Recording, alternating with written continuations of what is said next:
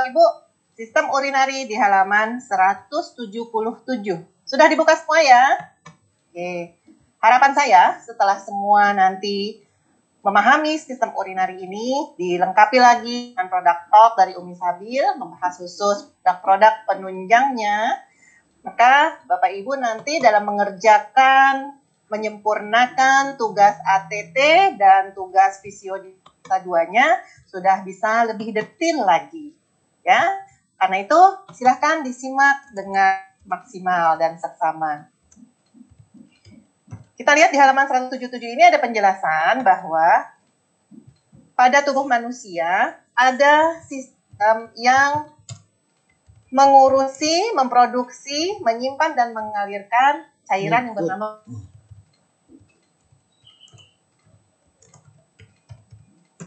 atau ureter, kandung kemihnya, bladder,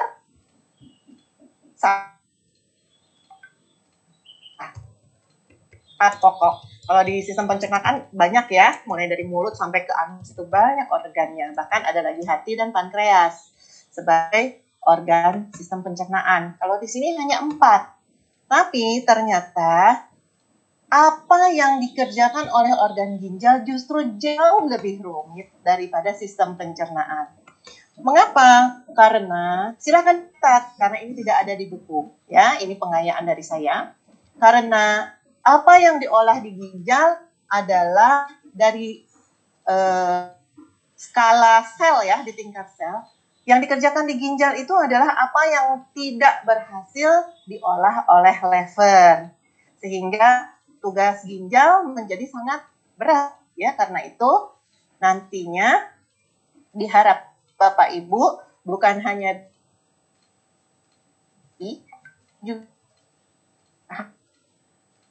kesehatan ginjalnya ya. Oke, kita lihat sekarang di halaman sebelahnya. Inilah gambaran sistem urin manusia yang organnya tadi kita sudah baca ada empat ya. Ginjal, ureter, bladder, kantong kemihnya, dan uretra. Jadi dari ginjal yang ada di bagian sekitar pinggang di kiri dan kanan yang kita itu turun menuju kandung kemih melalui dua saluran. Sedangkan setelah dari kandung kemih, dia turun hanya satu saluran. ya. Kita lihat dulu ginjalnya. Keterangan di sini menjelaskan bahwa ginjal kita beratnya sekitar 140 gram. Berarti lebih dari 1 ons ya. Walaupun ukurannya kecil, tapi ginjal yang besarnya kurang lebih ya lebih kecil sedikit dari genggaman tangan kita, kurang lebih sebesar telur ya ayam yang besar atau telur bebek lah ya. Di di dalam ukuran ginjal yang besarnya sebesar telur ini ada satu juta tiga ratus saluran yang disebut nefron. Satu juta tiga ratus itu kalau kita hitung, ah, nggak akan bisa ngitungnya ya, kecil sekali.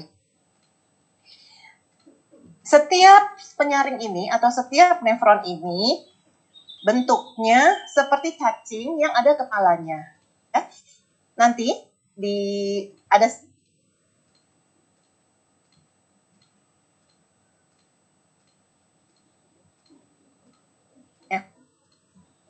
ya itu kelihatan ada uh, untayan ekor-ekor cacing ya yang seperti ekor-ekor cacing.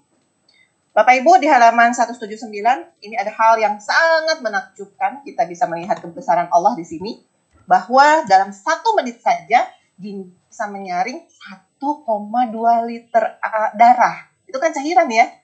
Jadi hmm, bahan-bahan yang bersifat racun yang gagal disaring oleh lever itu masuk ke dalam 1,2 liter ini darah ini. Dimasukkan di sana dan disaring di ginjal ya. Hanya dalam waktu satu menit. Nah berarti dalam 24 jam banyak darah yang berputar terus menerus di tubuh kita melalui ginjal berapa kali begitu ya. Berapa volumenya. Dan ginjal ini tetap bekerja walaupun sudah kurang lebih 70% nefronnya rusak. Jadi sisa nefron yang bisa bekerja hanya sekitar 25% sampai 30% itu belum menimbulkan gejala. Setelah dia 25% ke bawah, baru menimbulkan gejala. Pinggang, ada batu, itu penurunan fungsinya sudah sangat banyak.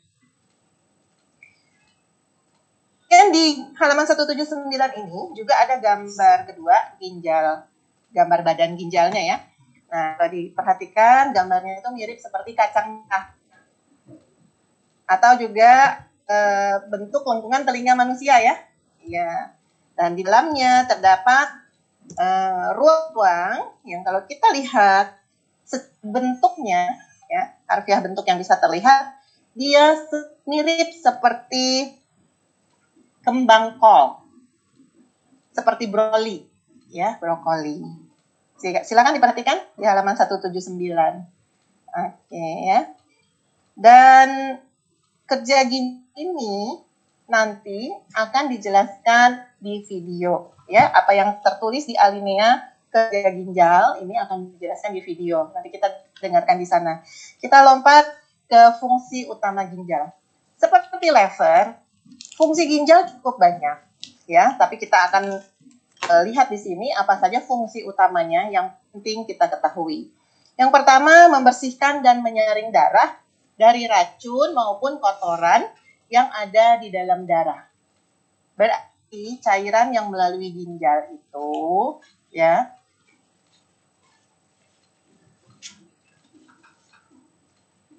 ada darahnya, kemudian tersaring menjadi urin ya, tapi juga di sana ada saluran, ada beberapa saluran yang isinya darah. Di sanalah terjadi proses pemisahan. Masya Allah. Allahu Akbar. Luar biasa program yang Allah bikin untuk organ ginjal kita ini. Tidak ada manusia yang bisa meniru. Manusia hanya bisa membantu kondisi ginjal yang tidak bisa lagi menyaring darah dengan bantuan alat yang namanya hemodialisa alatnya di luar tubuh manusia, dicucinya di luar. Setelah bersih, dimasukkan lagi. Nanti kotor lagi. Ya, ini dalam beberapa jam saja tuh sudah kotor lagi. Maka perlu kita jaga kerja ginjal kita ini agar dia tetap bisa membersihkan dan menyaring darah dari racun dan kotoran.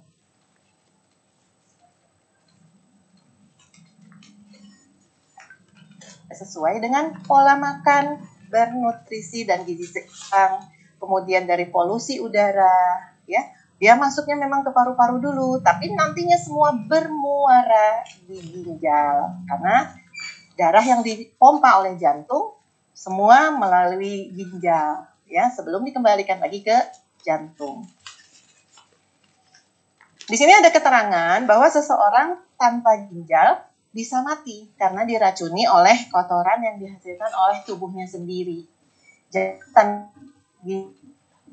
di, ya kita tidak tertolong sehingga harus dibantu dengan alat ya. Nanti kita bahas lebih detail bila ada kasus gagal ginjal dibahasnya di classroom ya, tidak di sini karena perlu ada data tertulis ya yang e, merupakan langkah-langkah perawatan.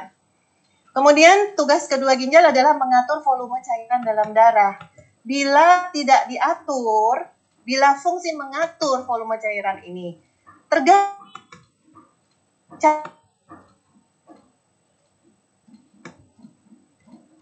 Nah, banyak kita lihat ya di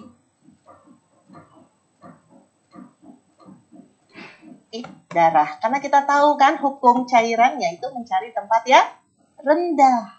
Betul kan? Ya, cair mencari tempat yang rendah. Untuk mengatur itu semua, cairan tidak semu, di tubuh kita tidak menumpuk ke bawah, itu ginjal loh yang ngatur. Ukurannya hanya sebesar telur, ada dua kiri dan kanan. Luar biasa manfaatnya kerja ginjal ini. Sehingga kalau dia terganggu kerjanya, maka benar-benar tidak nyaman yang punya badannya. Ya, karena cairan uh, tidak bisa keluar dengan sempurna melalui urin. Yang C mengatur dan menjaga keseimbangan kandungan zat penting dalam darah.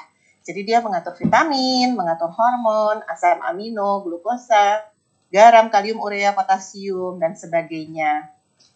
Sekali waktu, pada beberapa kasus ketidakseimbangan hormon, saya melakukan perbaikan detoksifikasi dan perbaikan fungsi kerja ginjal pada orang tersebut.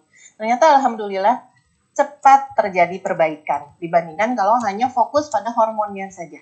Jadi apa yang terjadi pada ketidakseimbangan hormon itu diatur juga oleh ginjal, maka ginjalnya yang harus juga ikut diperbaiki. Oke ya, paham ya? Yang D sebagai penghasil hormon, dia juga sebagai pabriknya hormon, ya.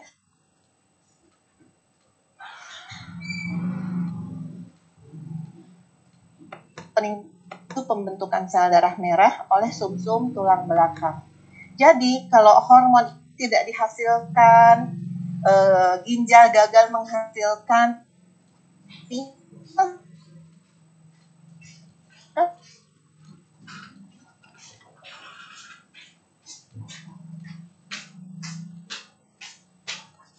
penyaring cairan yang kemudian menjadi urin, ternyata melalui KHT ini kita jadi tahu bahwa ginjal pun berhubungan dengan darah, berhubungan dengan sumsum -sum tulang belakang.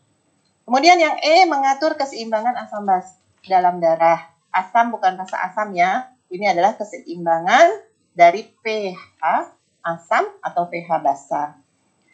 Bila kemampuan fungsi mengatur keseimbangan asam basa ini terganggu, maka tubuh orangnya akan menjadi mudah terlalu asam atau terlalu basa. Tur suhu tubuh adalah fungsi yang ke-6 atau F. Ya, jadi kalau orang mudah terlalu dingin gitu ya sampai kita salaman terasa seperti es gitu ya suhu tangannya atau terlalu panas itu pun hubungannya dengan fungsi kerja ginjal Lalu yang G, mendaur ulang air, mineral, dan zat gizi lainnya. Kita masuk ke halaman 181, kelainan-kelainan sistem urinari. Di dalam sistem urinari, yang organnya tadi, ginjal, ya, dan saluran-salurannya, kandung kencing, dan salurannya, itu banyak sekali ditemukan kelainan di masyarakat ya. Namun yang kita akan bahas di sini yang paling sering saja ya. Karena uh, kondisi masyarakat itu yang kejadian yang temukan di dunia medis itu ada juga yang sifatnya unik.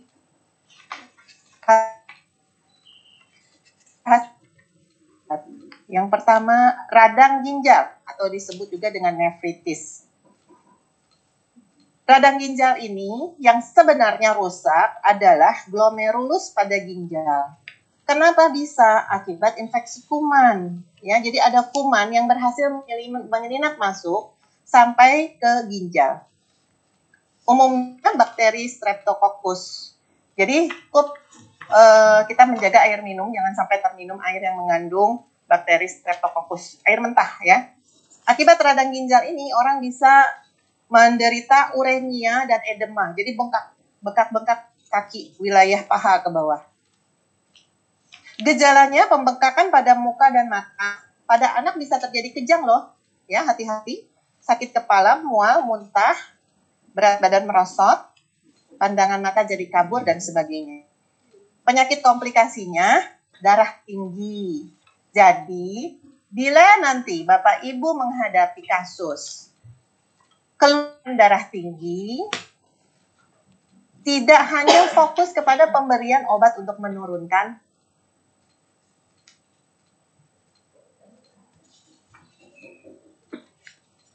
telapak tangan.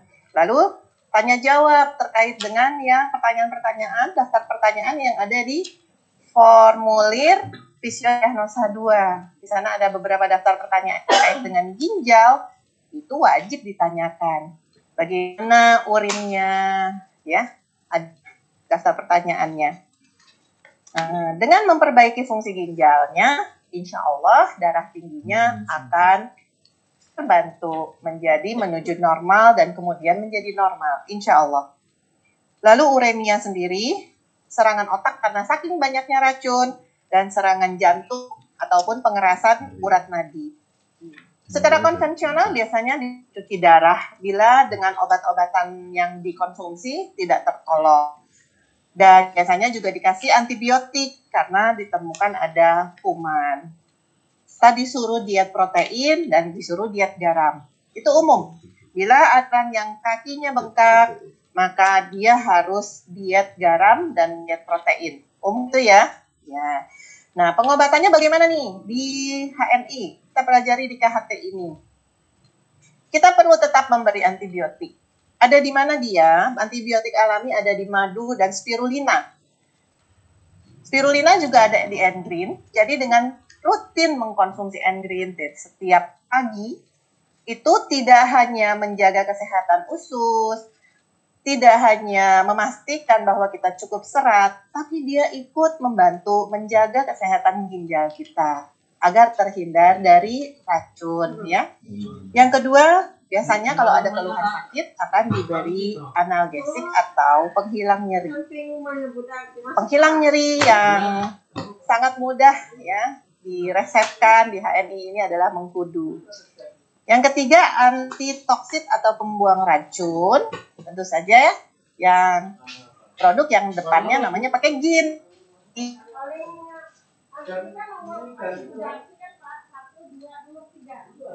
Eh, kasus yang sudah sampai tingkat gagal ginjal, itu perlu ada tata cara, tata laksana pemberian herba yang tidak umum.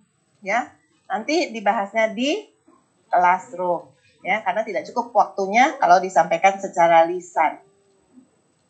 Selain Gitnetrax, pembuang racun juga bisa menggunakan kopi tujuh elemen, madu, Ginetrax dipadu dengan madu bagus sekali ya mempercepat kerjanya. Bila sudah ada terganggu kadar gula darah dibantu lagi dengan diabetes dan antitoksit selalu masuk zaitun. Ya. Zaitun ini sebagai pilihan antara zaitun atau deep square. Gangguan kedua yang banyak ditemukan di masyarakat terkait dengan ginjal adalah batu ginjal.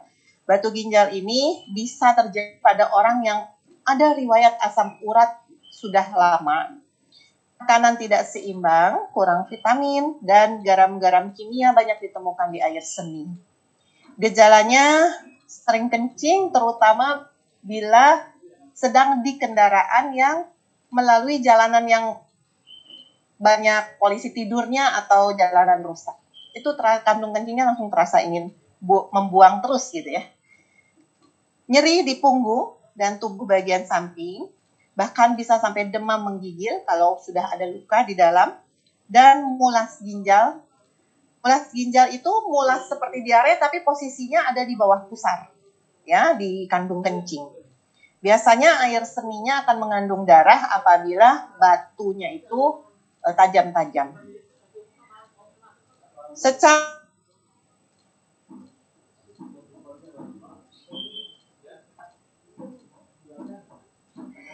dan pasti diberi antibiotik, dinasehati untuk minum minimal 3 liter satu hari.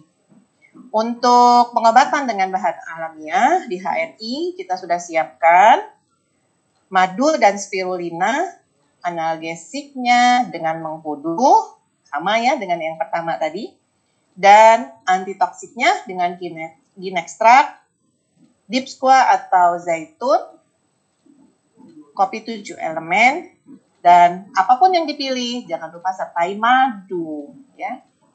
Di sini ada catatannya, gunakan madu yang kadar airnya rendah, ya. Makin rendah kadar air, makin baik madu tersebut digunakan sebagai obat. Jadi untuk obat yang kadar airnya rendah, ya. Batu kandung kemih, beda batu ginjal dan batu kandung kemih. Batu ginjal adanya di ginjal, dia harus melewati glomerulus yang yang ukurannya sangat kecil gitu ya. Sedangkan batu kandung kemih dia sudah ada di kantong ya sebelum air kemih uh, keluar ya. Biasanya kalau batunya sudah ada di kandung kemih, maka akan terasa sakit ketika buang air kecil. Pinggang ke bawah nyeti, air seninya bisa mengandung darah atau nanah bila batunya tajam-tajam. Dan tingkat melakukan proses berkemih, sering terdapat batu yang ikut keluar bersama air seni atau uh, sudah berupa seperti bubuk semen seperti semen ya sudah hancur.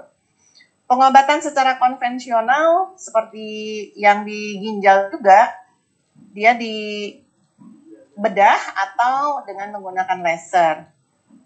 Diberi antibiotik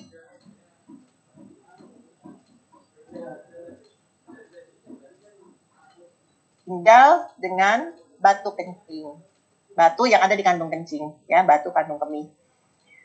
Bapak Ibu, agar kita bisa terhindar dari masalah-masalah kandung kencing yang sudah tiga masalah yang sudah kita bahas barusan, selain mengatur pola makan dan pola minum, juga perlu memperhatikan posisi ketika buang air kecil. Penggunaan WC duduk Hmm, WC duduk itu sebenarnya tidak menuntaskan buang air kecil sehingga toksit ter tertampung dan uh, terjadi penumpukan yang secara bertahap dia bisa berubah menjadi batu.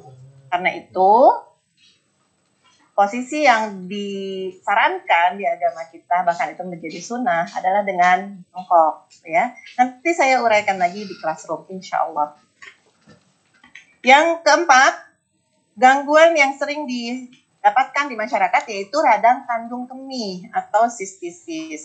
Penyebabnya di sini infeksi kuman dan gejalanya antara lain panas ketika buang air kecil dan buang air kecilnya sering sedikit sedikit gitu ya. Kadang-kadang sampai demam. Secara konvensional dia dikasih obat antibiotik, anti sakit, anti radang dan disuruh minum air banyak. Secara alamiah, jangan lupa dari tadi ya, selalu ada tertulis madu. Jadi untuk ginjal ini dibutuhkan madu, spirulina. Jika tidak tahan sakitnya berikan mengkudu. Dan antitoksitnya dengan ginetrax, zaitun, kopi tujuh elemen. Ya. Kemudian ada pembengkakan kelenjar prostat Gejalanya agak unik, yaitu sering buang air kecilnya di malam hari. Mirip seperti gejala pada orang yang menderita diabetes. Pancaran air seninya cenderung kecil, tentu saja pembengkakan kelenjar prostat ini hanya terjadi pada laki-laki ya, karena yang punya prostat hanya laki-laki. Bila keadaan sudah berat, bahkan sampai tidak bisa buang air kecil sama sekali, kecuali dibantu dengan pipa. Secara konvensional biasanya disuruh bedah ya, pemberian antibiotik dan disuruh minum banyak. Secara alamiah, pros, prostat yang yang membengkak itu bisa di insya Allah bisa dikempeskan dengan bantuan ginetrax dan madu.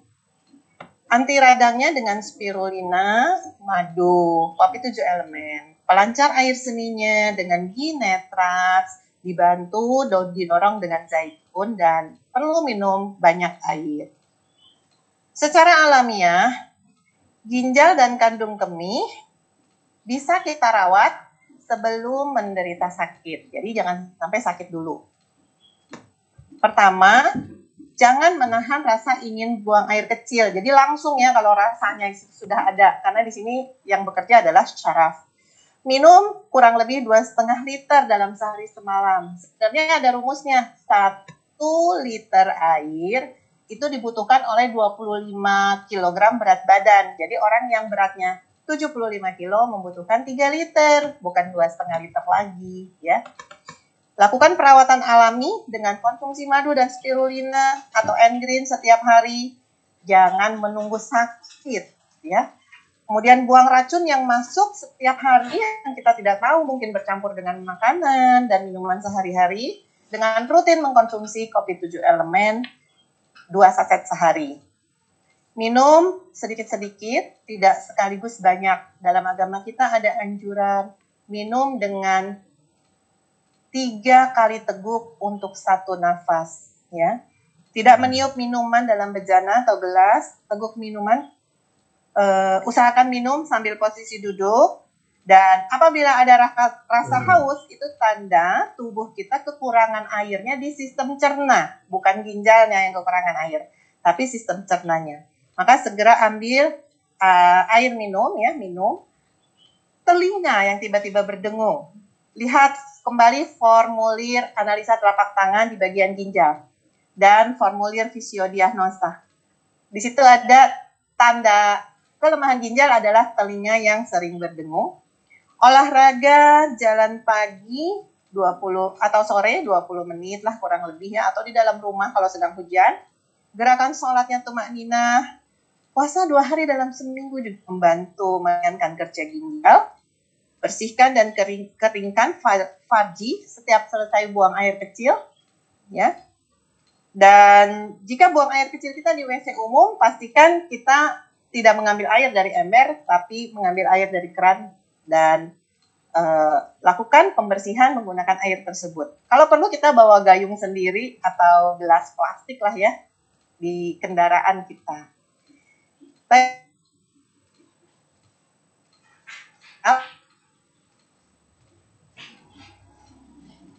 Hadis riwayat At-Tirmizi dan An-Nasa'i. Barang siapa 20 bukannya apa Deborah maka janganlah kalian membenarkannya. Jangan percaya. Yang benar, Nabi bila kencing sambil duduk. Yuk kita lihat sebentar sebelum ditutup. Gambar ketiga yang ada di halaman 188. Perhatikan ada gambar saluran mirip sama yang tadi di depannya. Tapi sini ada tambahannya yaitu ada ginjal cangkokan. Lalu di atas yang dua di kiri kanan itu adalah ginjal yang rusak. Nah, ini saya ketemu uh, kondisi nyata. Sepupu saya sendiri dicangkok ginjalnya dari saudaranya sendiri. Karena itu yang paling cocok. Saya dapat cerita dan ini saya bagikan setiap saya KHT, mengajar KHT ya. Ternyata apabila ginjalnya sudah rusak, itu ginjalnya tidak dikeluarkan dari tubuhnya, tapi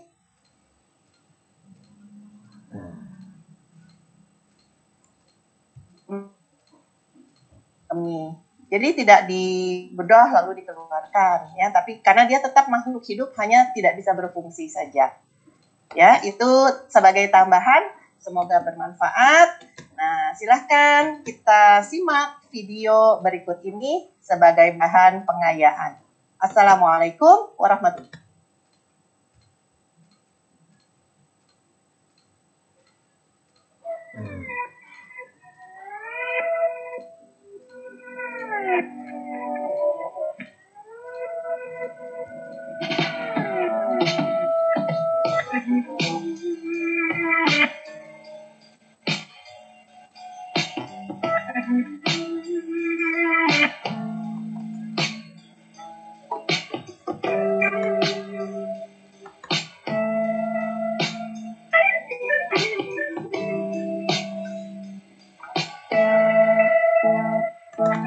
Mm-hmm.